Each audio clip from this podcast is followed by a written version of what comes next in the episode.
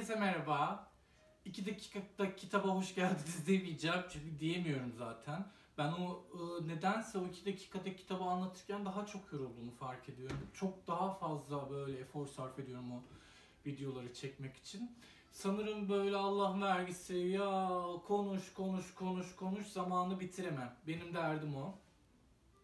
O yüzden bu daha uzun soluklu videoları, daha uzun soluklu podcastlerde daha rahat konuştuğumu hissediyorum. Çünkü bir de şöyle de bir şey var. Hani konu 2 dakika olunca da hani bir kitaptan da 2 dakikada bahsedilir mi? Ben sen bahsedilir tabii o ayrı bir konu da.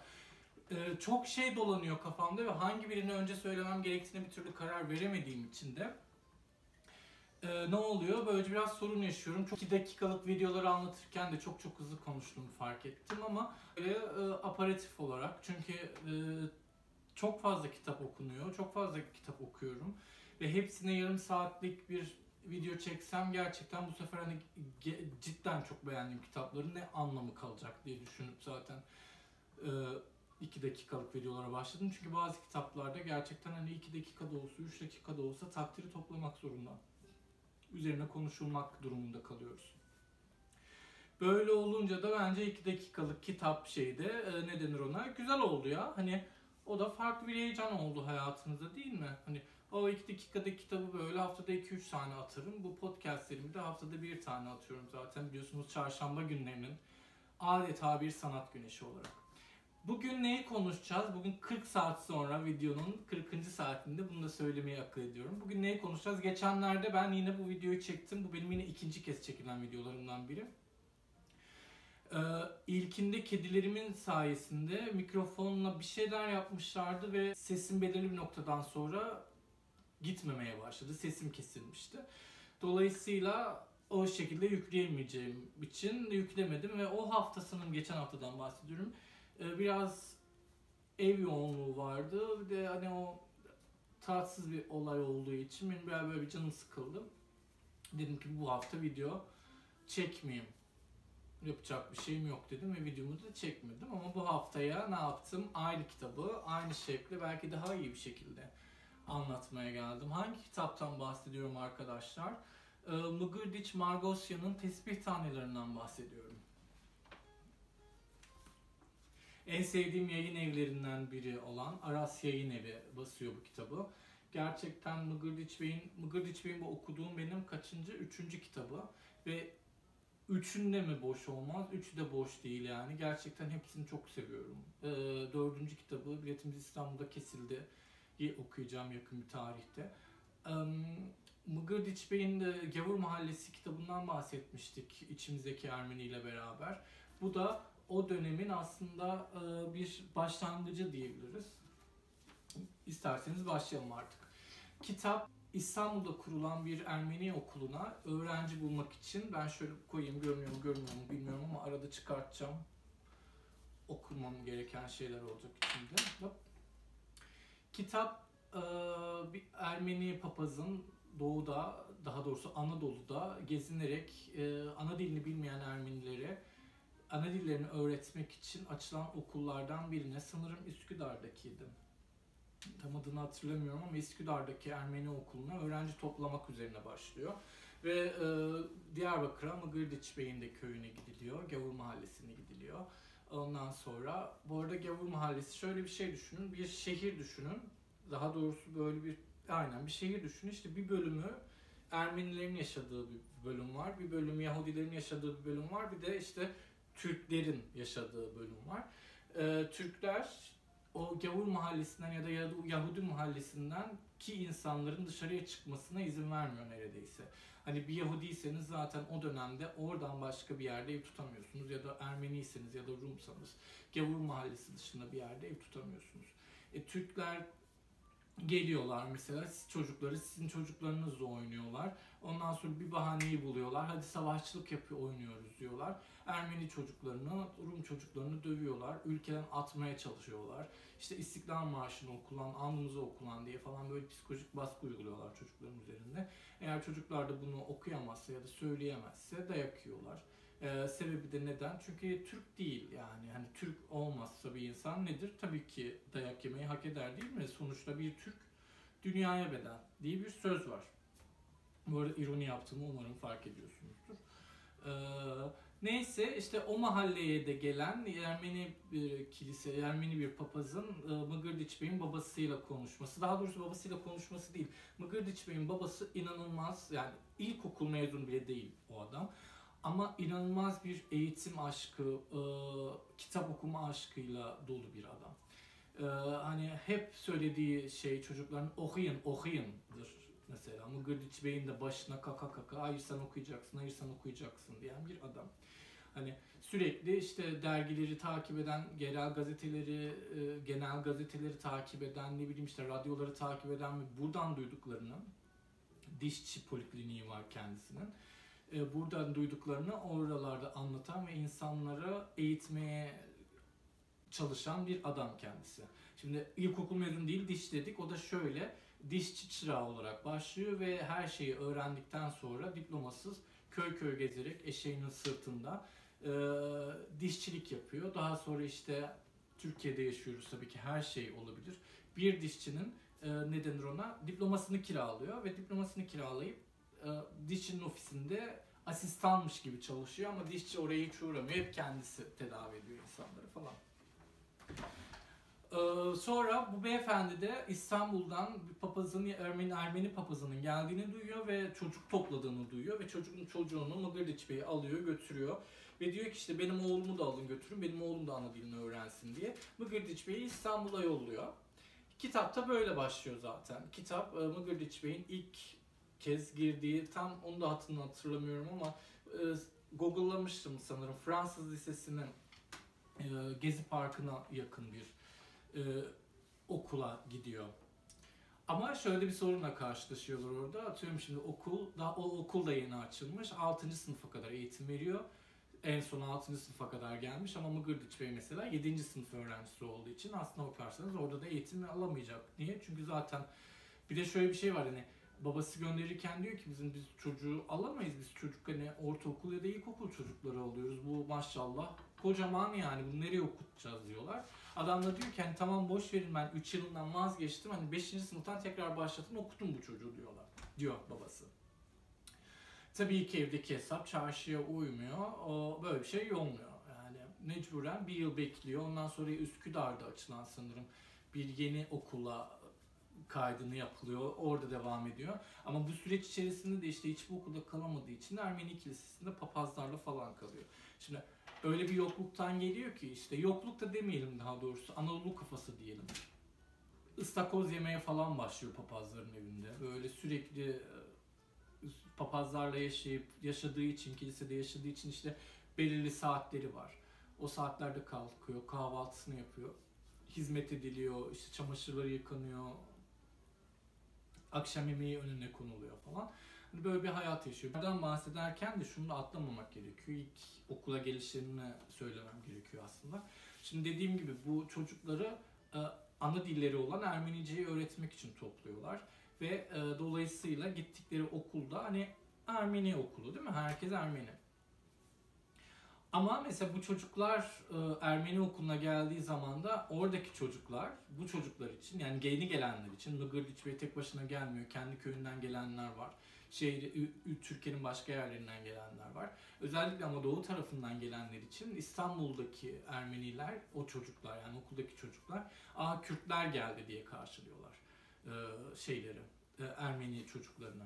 Şimdi burada da aslında ne kadar büyük bir saçmalık olduğu da gözler önüne seriliyor. Çünkü bu insanlar zaten hani e, kendi toplumlarında Kürt olarak yaftalanıyorlar. Kürt toplumunda Ermeni olarak yaftalanıyorlar. Türk toplumunda Ermeni yani hani bir azınlıklar ve yani azınlık sadece belirli bir noktadan sonra milliyetlerine ya da inandıkları dinlere göre de değil, e, ülkenin hangi noktasından geldiklerine göre de yaftalanmaya başlıyorlar. Yani atıyorum işte Samandağ'dan gelen, Vakıflı köyünden gelen de Aa Aleviler geldi diyorlar. Halbuki adımla alakası yok yani tamam çünkü coğrafya tamamen bir kaderdir yani. Gibi Anadolu'nun farklı noktalarından çocuk toplandığı için o kadar çok farklı şehirlerden bahsediyor ki beyefendi. Şimdi geriye dönüp baktığınızda o şehirlerden bir tanesini bile bulamıyorsunuz. Hani Niğde'den bahsediyor, Konya'dan bahsediyor, ne bileyim İzmir'den bahsediyor, Ankara'dan bahsediyor. Ama şimdi baktığımızda hiçbir yer yok. Hani ben de Hataylıyım, İskenderunluyum. Ee, ben bile mesela atıyorum 5-6 yıl önce duydum Vakıflı Köyü'nü. Vakıflı köyünü övünerek anlatıyoruz mesela şu anda. Hani Türkiye'deki tek Ermeni köyü burası işte bilmem ne bilmem ne. Ne kadar utanç verici bir şey aslında bu. Hani bunun farkında değiliz. Daha ben bir de geçenlerde okudum. Mesela Van'daki bir e, Ermeni kilisesi. Hani onlar için çok önemli bir kilise. İşte yüzyıllardır orada olan bir kiliseyi falan yakılmış 60'lı yıllarda 70'li yıllarda. Ee, bakıyorsunuz şimdi bu insanlar e, sen yoktuğundan beri bu toprakların sahipleriydiler aslına bakarsanız. Hani bu coğrafya zaten hani kimin e, evet burası benim de diyebileceği bir coğrafyada da yaşamıyoruz aslına bakarsanız. Yani çok fazla sağı solu dolu olan bir coğrafyada yaşıyoruz ama hani senin nereden geldiğin belli. Sen Orta Asya'dan kalkmışsın gelmişsin buraya. İşte İslam'ı kabul etmişsin, ona göre yaşamışsın falan ve belirli bir noktadan sonra da bu ülke yani bu toprakların ülke demek istemiyorum. Yani çok aidiyetlik kurmak istemiyorum e, o coğrafyanın üzerinde herhangi bir millete. Bu toprak, geldiğin toprakları sahipleniyorsun ve bu topraklarda hani hiç hakkın olmamasına rağmen işte Amerikalıların Amerika'ya yerleşip İngilizlerin pardon Avrupalıların diyelim daha doğrusu e, Avrupa'dan gelip e, Kızılderilileri yok etmesi gibi. Ve ondan sonra burası bizim toprağımız demesi gibi falan. Hani sen de aynı zorbalığı yapıyorsun. Hani bu bu arada sadece Ermenilerden bahsetmiyorum. Hani bunu yaptığın başka ırklar da var. O ırklar da sana yapıyor tabii ki. Yani tek taraflı olduğunu da iddia etmiyorum ama hani günahın boyutu olmaz. Günah günahtır bana göre. Ondan sonra e, ve şimdi baktığınızda avuç içi kadar bir alan bırak, bırakmışız insanlara. Hani ki bu bu arada biz hani bunu şimdi vakıflı köyü var diye hani ben hala şaşırmıştım ilk duyduğumda mesela. Ama hani bu kitap yazıldığı zaman işte bu kitapta 60'lı 70'li yıllarda yazılıyor. E, daha doğrusu beyefendi 60'lı 70'li yıllarını anlatıyor.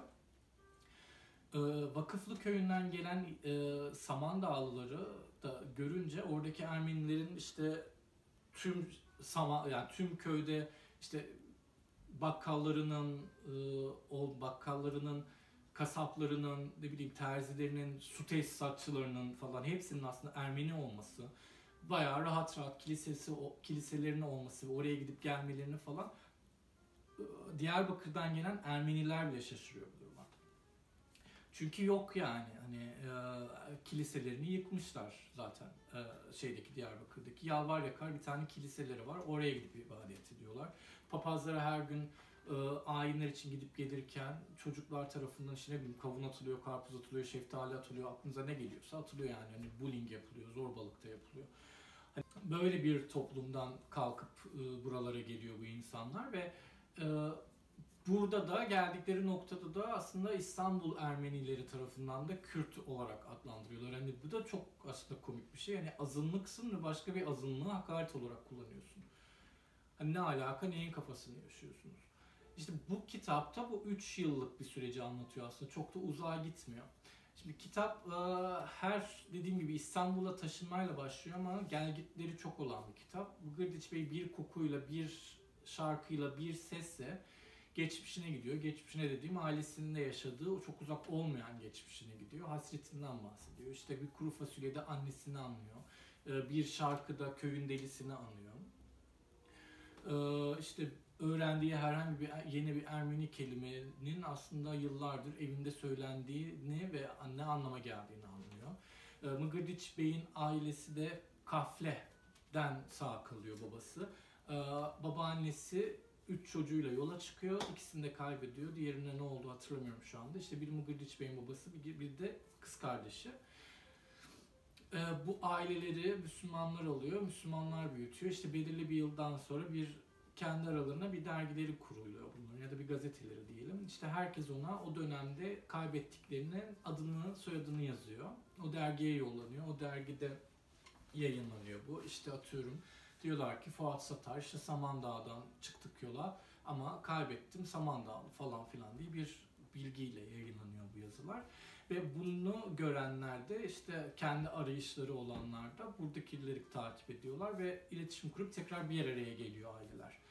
Önce kız kardeşini buluyor, önce kızını buluyor, sonra da oğlunu buluyor ve hep birlikte tekrar yaşamaya başlıyorlar. Oğlunu bulduğu zaman sanırım 18 yaşında, 16-17 yaşında bir çocuk. Dolayısıyla Müslüman bir ailede de büyüdüğü için iki tarafta mesela kız kardeş tamamen kapalı bir kız. Ee, Mıgırdiç Bey'in babası da hani beş vakit namaz kılan bir adam. Hani bu da aslına bakarsanız hani bir can kurtarıyoruz yoklukta. Ama e, kurtardığımız canı da aslında kabul etme şeklimiz ya da kurtarma şeklimizi kendimize benzetiyorsak okeyiz. Yani mesela kurtardığın kızı tekrar kendi inancını biliyorsun sonuçta neye inandığını. Kurtardığın kızı kendi inançlarında ya da çocuğu kendi inançlarına serbest bırakmıyorsun. Hani evet ben seni aldım ama benim kurallarımla yaşamak zorundasın diye. Anne mesela çok üzülüyor bu duruma. Diyor ki hani babanız öldü, abiniz öldü. ikiniz elimde kaldınız. Hani kendinizden utanmayın diye böyle yalvar yakar ağlamalarla ağlamalarla iki çocuğunu da tekrar e, kendi inançlarına çevirmeye başarıyor. Kendi inançlarında yaşıyorlar. E, ondan sonracığıma e, bu süreçte de işte o yürüyüş yolunda, kafri yolunda kendilerine e, işte kılıç artığı diyorlar. E, mesela çok susadığı zaman hani tükürüğünü iç falan diyor anneler. Hani böyle bir hayattan işte bir gece uyanıyorlar ve uyandırılıyorlar ve kilometrelerce yol yürümek zorunda kalıyorlar. Ve o noktada da işte ölenler, çocuğunu kaybedenler az önce söylediğim gibi, kendini kaybedenler, herkes var. Kitapta bu arada beni en çok mutlu eden, hemen onu da az önce düştü, ah şimdi düştüm. En çok mutlu eden şey yerel lehçenin hiçbir şekilde bozulmaması. Kitabı okurken mesela babasıyla, annesiyle hatta kendi döneminde de oradaysa e, oranın lehçesiyle, oranın Türkçesiyle konuşuyorlar. Bu benim çok hoşuma gitmişti. Ondan bir pasaj okuyacağım size. Boncukları aralayıp babamla beraber içeri girdiğimizde mesleğinin piri Yakup dayı elimde keyifle taşıdığım çantayı görür görmez okula başlayacağımı hemen anlamıştı. Yakup Usta, kölen sahan getirdim. Saçlarını Serkis Usta, sen hiç merak etme. Ben ona şimdi ele ele güzel bir okul tıraşı yapacağım yapacağım ki paşa kimi olacak. Çok güzel değil mi ya? ağlama oğlum ağlama. Şimdi buradan çıkınca doğru dondurmacı sağlığa giderik. Sahan bir külah kaymaklı, fişneli, karışık dondurma alırık. Ben okula gitmeyeceğim. Çok güzel değil mi? Ben çok keyif alarak okudum bu. Özellikle hani belirli bir nokta çok zorlandım e, okurken ama belirli bir noktadan sonra tekrar keşke babasıyla tek muhabbete dönse, annesiyle muhabbete dönse diye çok böyle istedim. Ama olmadı tabii ki her şey. Baba demişken bu arada baba 4-5 tane dil biliyor. Lazca biliyor, Kürtçe biliyor, Türkçe biliyor, Ermenice biliyor. Hani e, küçücük bir adam. Sırf hani ticaret diyelim hani mesleğini idame ettirebilmek için öğrenmesi gereken bütün dilleri öğreniyor ki bu hani insanlarla rahat çalışabilsin. Şimdi nerede İngilizce bilen elini öp başına koy yani. Tabi her şeyin kaynağına dönelim. Baba 4 yaşındayken sürülüyor e, köyünden. E, bu da çok aslında trajik bir olay. E, mesela birkaç Ermeni bir araya gelince herkes bunu konuşuyor ve hani düşündüğünüzde en geri nereye kadar gidebilirsiniz? En erken hatırladığınız yaş nedir? Mesela benimki 7-8'dir belki. Ama hani bazı yaşlar var, bazı anlatılar var, bazı şahitlikler var. İşte bunu son tanıklarda Alekseyeviç'te de gördük. İnsanlar 3 yaşındaki, 4 yaşındaki hayatlarını e, hatırlıyorlar ve bunu anlatıyorlar. Hani bu gerçekten baktığımızda çok acı bir durum. Çünkü 4 yaşındayken tamamen çocuk olmanız ve e, saçma sapan, salak saçma şeyler yapmanız gereken bir yaştayken böyle şeyleri hatırlamak, bunları yaşamak aslında çok acı geliyor bana. Ee, çocukları odadan kovuyorlar. İşte kadınlar ağlaşıyor. Adamlar "Ha, seni hatırlıyorum sen 10 yaşındaydın. Ha ben seni hatırlıyorum 5 yaşındaydım. İşte biz 3 gün şurada yürüdük. 4. gün şuraya saptık da öyle kurtulduk. İşte benim annemi sokağa çıktıktan bir saniye sonra öldürdüler falan diye. Hayatları olmuş hikayeler aslında anlatılıyor ve hala korku içinde yaşıyorlar. O dönemde Rusya'nın e, altında olan Ermenistan mesela kapılarını açacağını duyuruyor e, şeylere, e, Ermenilere.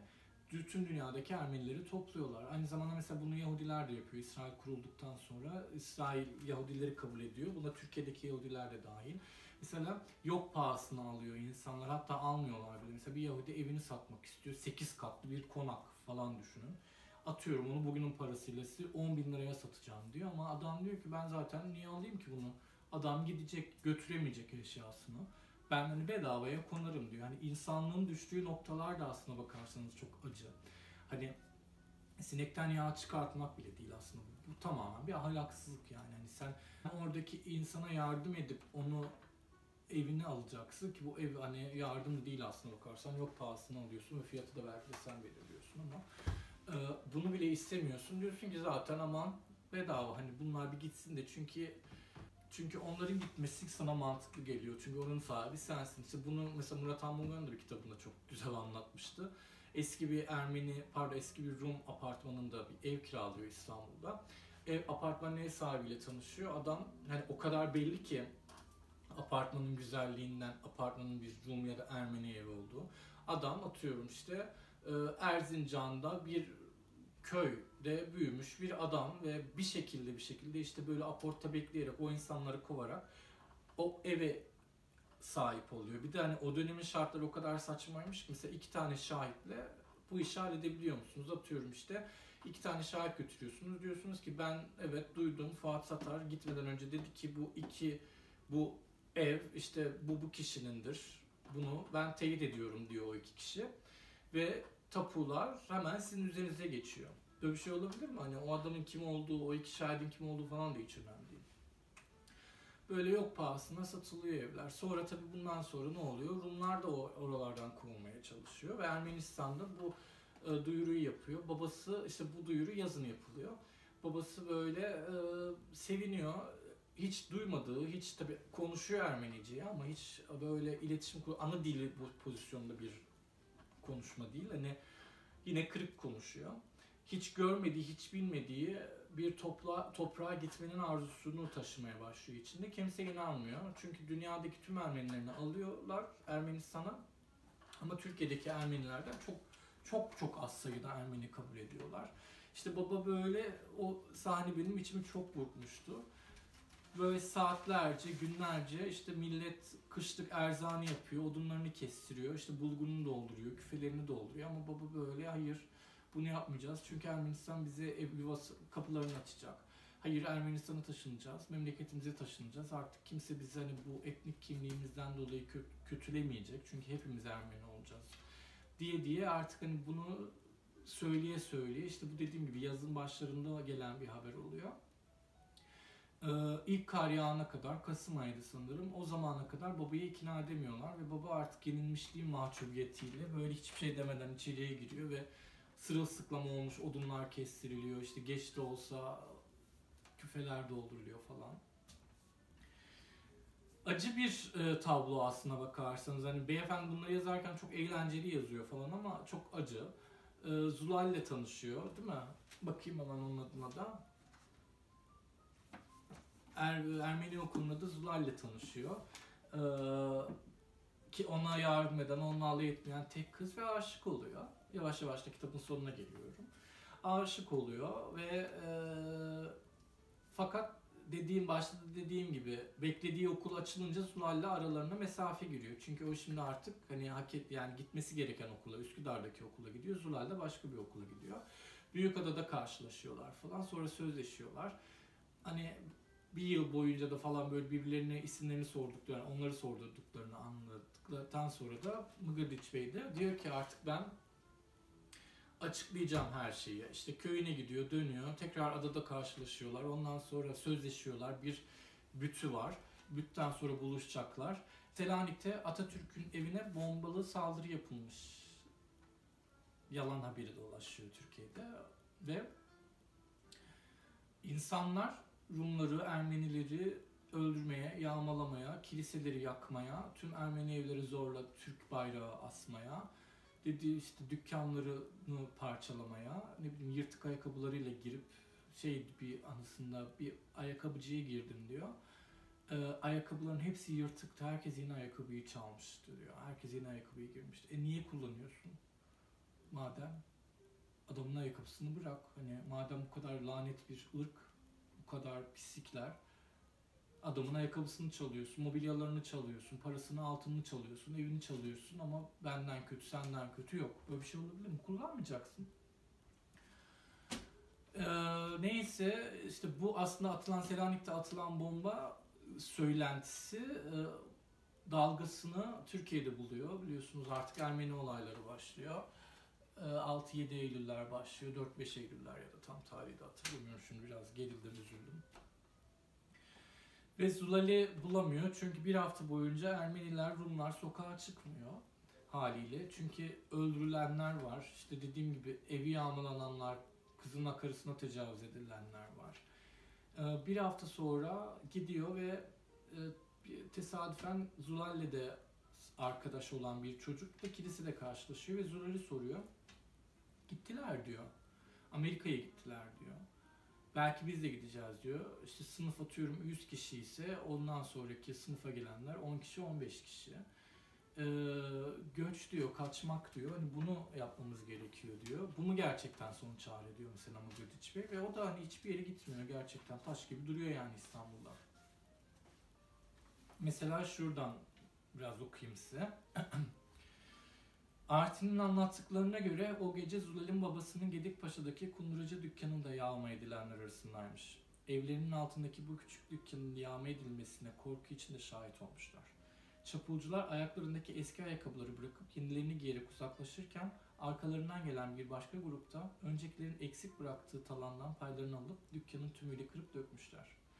Daha sonraki günlerde Zulal'ın Eseyan'ı yarıda bıraktığını, ailece Amerika'ya göç, göç ettiklerini yine Artin'den öğreniyordum. Diyor. ee, gerçekten yani herkes herkes bir yerde öldürülüyor. Herkes bir yerde azınlık ölüyor. Herkes bir yerde çoğunluk öldürüyor.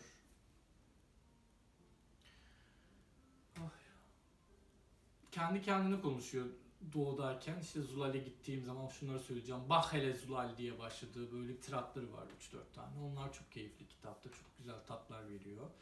Ee, şey var. İlk ıı, kafeden Boston'a giden bir Ermeni sonra işte abisinin çocuklarını buluyor. Geliyor ama abisinin çocukları Müslüman olarak büyüyor ve adamı istemiyorlar. Ama istedikleri şey şu adam Boston'a gitsin Boston'dan bize para göndersin ama hani hiçbir şekilde buraya gelmesin, bizimle muhatap olmasın, bizim dayımız olduğunu falan söylemesin diyor. Mesela e, Demirci Mıgırdiç Bey'in dayısı. Bu aklıma gelenleri söylüyorum. Artık anlamışsınızdır. Yavaş yavaş kitabın sonuna geldik çünkü. E, Mıgırdiç Bey'in dayısı da Demirci. Bunu ben Gavur Mahallesi'nde de söylemiştim. Bu arada Gavur Mahallesi gerçek ismi değil mahallenin. Gerçek ismini hatırlamıyorum da Gavur Mahallesi demelerinin sebebi işte gayrimüslimlerin, Ermenilerin orada oturduğu için insanlar oraya Gavur Mahallesi diyor. Adam demirci işte Gavur Mahallesi'nde doğmuş, büyümüş. Hani hayatında belki Diyarbakır'ın il merkezine bile gitmemiş. Fakat adam New Jersey'de ölüyor. Şimdi insanların hayatlarını bu kadar çok yaprak gibi savuruyorsunuz. Gerçekten çok üzücü. Yani ben Mugurdiç Bey'in adıyla ıı, ıı, çok okuduğum yani her okuduğum içinde Ermeniliğin geçtiği her kitapta karşılaştım. İçimizdeki Ermeni'de karşılaştım. Murat Anmunga'nın harita metot defterine karşılaştım. Gerçekten de okuduğu okulda ondan sonra öğretmen olup zor bir öğretmen olup herkesin böyle diye korkuttuğu, direttiği bir öğretmen oluyor Mugurdiç Bey ve kesinlikle ülkeyi ülkeden ayrılmıyor. Zaten belirli bir noktadan sonra anne baba İstanbul'a Mugurdiç Bey'in yanına taşınıyor. Dayısına çok düşkün, dediğim gibi işte demirci olan New Jersey'ye taşınan. Tanrı'nın Seyir Defteri de çok eğlenceli bir kitabıdır ama kitabı mesela en son sayfasında dayısını anlattığı bir 20 sayfalık bir bölüm var. Yani yürekler dağılıyor, evlere ateşler saçılıyor gerçekten. Mıgırdiç Bey e, hiçbir şeyi acitasyona varmadan anlatmış. Aslında kitabı okurken zaten çoğunlukla çoğunlukla yüzünüzde tebessümle okuyorsunuz kitabı. Ama anlatılanların sessizliği o kadar çok yaralıyor ki sizi kitabı bitirdikten sonra özellikle kitabın son sayfalarına geldikten sonra neyi okuduğunuzu, neye şahitlik yaptığınızı görüyorsunuz ve bu sizi gerçekten çok incitiyor. Benim okuduğum çoğu Ermeni kitabında da işte içimizdeki Ermeni'de de burada da hiçbir şekilde kimse soykırım kelimesini kullanmıyor. O yüzden ben de bu kitapları anlattığım zaman buna dikkat etmeye çalışıyorum. Soykırım demek istemiyorum. Çünkü benim anladığım kadarıyla hepimizin ortak bir acısı var ve bu acı insan hayatı. Bir noktada bir insan hayatı ya da bir noktada bir insan yerinden yurdundan ediliyorsa buna istediğiniz ismi verebilirsiniz. Bu çok önemli değil. Ama bunun arkasında gerçekten bir acının olduğunu görmemiz gerekiyor. İnsanların acılarının olduğunu görmemiz gerekiyor. Ee, yıllardır, yüzyıllardır Ermenilerin yaşadığı, Kürtlerin yaşadığı ya da ne bileyim Rumların, Yahudilerin yaşadığı bir toprakta, bir ülkede kaç tane Ermeni kilisesi, kaç tane sinagog sayabiliyoruz? Ve bunların sayarken neden aslında gururlanıyoruz? Mesela Hatay'da üç tane, üç dininde işte kilisesi var, sinagogu var. Neden bununla övünüyoruz? Bu olması gereken bir şey zaten. Çünkü Hatay'da da zamanında Yahudiler vardı. Dolayısıyla sinagogları da olacaktı. E, Rumlar da vardı, kiliseleri de olacaktı ki e, ben İskenderun olduğunu söylemiştim. Oradan bir örnek vermek istiyorum. Liseye giderken mesela benim şehrimde 3 tane porno sineması vardı. Bayağı 3 film birden gösterilen bir porno sineması vardı. Ee, ve biz okula gidip gelirken hep bunların önünden geçerdik. So- sonradan e, 6-7 yıl önce artık nasıl yaptılarsa bilmiyorum. E, gerçekten artık başarmışlar.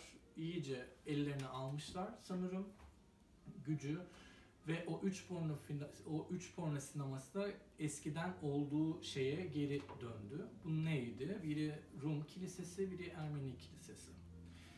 Yani siz insanları ülkeden kovmakla kalmıyorsunuz. Herhangi bir, hiç fark etmez. Hani şu anda bir ırk üzerine konuşmuyorum aslında.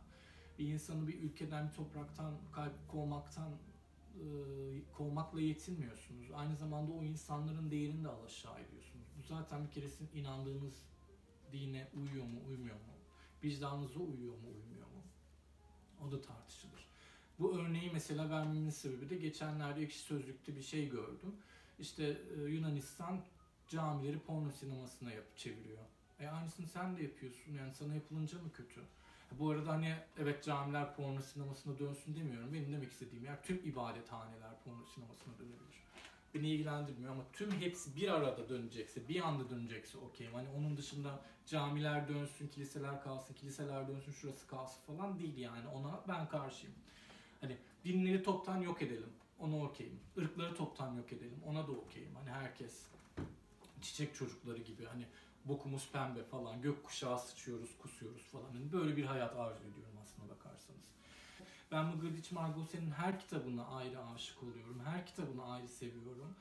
Ee, sanırım ortak acılardan geçtiğimiz için ya da ortak acıları anlayabildiğimiz için ki bence kitapla buluşmanın ya da kitabı sevmenin en önemli özelliği ortaklık bulmaktır.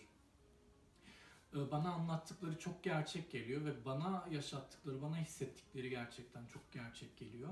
Bir daha hiçbir şekilde böyle acıların yaşanmayacağını düşüne, temenni ederek herkesin doğup büyüdüğü yerde kök salmasına ya da kendi isteğiyle başka bir ülkeye gidip kök salmasına izin verecek sınırların kalkacağı bir dünyanın olmasını dileyerek tekrar edeyim Aras yayınları gerçekten çok güzel kitaplar basıyor.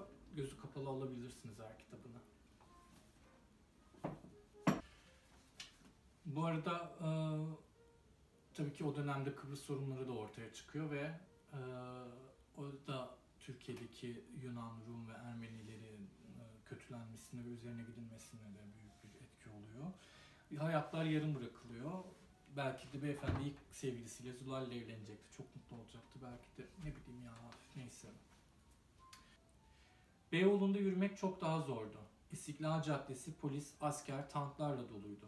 Yerlerde kümeler halindeki cam yığınları arasında kırılmış, parçalanmış, akla gelen her tür eşya, Lime lime edilmiş, ince şeritler halinde kesilip yollara saçılmış kumaşlar, fotoğraflar, çerçeveler, çocuk arabaları, oyuncak bebekler, kazma sapları, sopalar, demir çubukların başında da nöbet tutan, ikide bir düdük öttüren polisler, tramvay rayları boyunca yağmadan arta kalan enkaz yığınları, cam kırıkları üzerinde sekerek, atlayarak, zorlukla yürüyen, koşuşturup duran, kimisi ağlayıp, kimisi nemli gözyaşlarıyla yağmalanmış dükkanlarının başında çaresizlik içinde ne yapacaklarını, işin neresinden başlayacaklarına, sanki bir türlü karar veremeyip öylece şaşkınlık içinde bekleşen insanlar arasında ilerlerken Zevan'le beraber yapmaya uğraştığımız buzdolabı nedeniyle Tevlo Tevlo, Tevlo diyerek bizimle alay eden halama nazire yaparcasına hurda yığına dönüştürülmüş yepyeni buzdolapları karşısında dudaklarımdan gayri ihtiyari onun şu feryadı dökülmez miydi?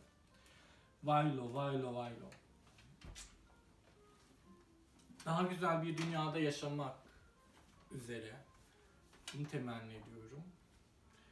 Hepinize e, pembe dizi tadındaki 80 dakikalık videomu izlediğiniz için çok teşekkür ediyorum. Beğenmeyi, yorum yapmayı, paylaşmayı unutmayın. E, sevmekle başlar her şey. Bir insanı, bir ağacı, bir hayvanı sevmekle belki de. O yüzden sevin ya. Sevmekten güzel bir şey yok bence. Teşekkür ediyorum.